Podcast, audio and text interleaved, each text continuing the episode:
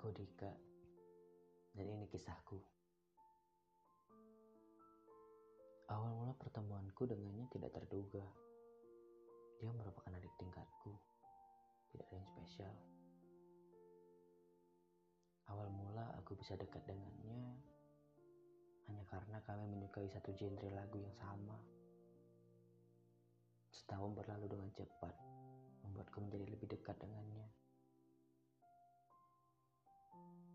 Padahal aku tahu aku sudah memiliki kekasih.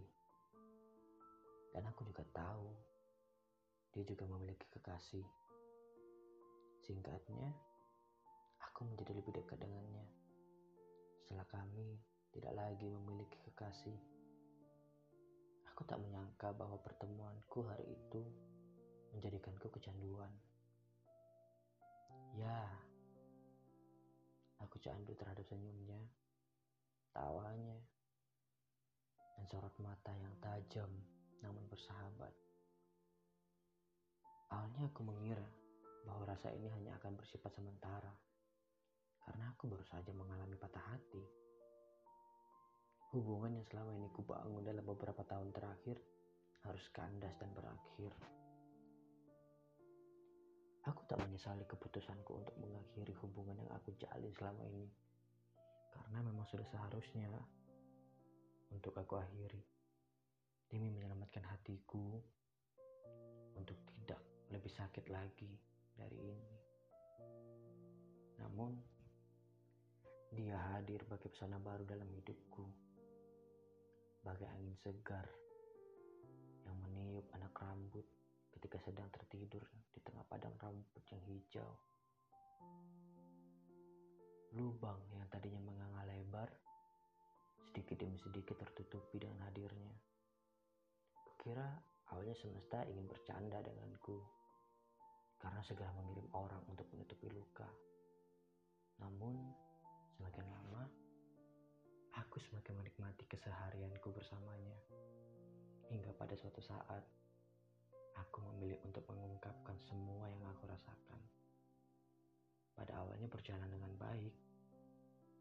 Aku dan dia merasa bahagia dengan apa yang kami miliki. Namun, pada pertengahan, bukan, masih dalam masa bahagia.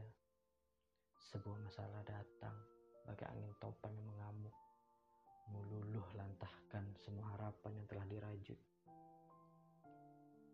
Aku hampir membuatnya pergi dengan segala keegoisanku kepala yang panas, aku hampir membuatnya meninggalkanku untuk selamanya. Namun, aku segera tersadar bahwa semuanya harus diikhlaskan. Biarlah semuanya menjadi seperti apa yang Tuhan rencanakan. Aku dan dia kembali bersama, namun dengan definisi bersama yang berbeda. Aku tetap merasa ia spesial. Aku memperlakukan ia dengan perlakuan terbaik yang bisa kuberikan. Berharap dengan itu aku bisa kembali membuatnya jatuh cinta lagi denganku. Namun, kurasa hal itu akan memakan waktu yang tidak sebentar. Kita tidak bisa memaksa orang untuk jatuh cinta kepada kita, bukan? Jadi, biarkanlah semesta bekerja dengan caranya sendiri.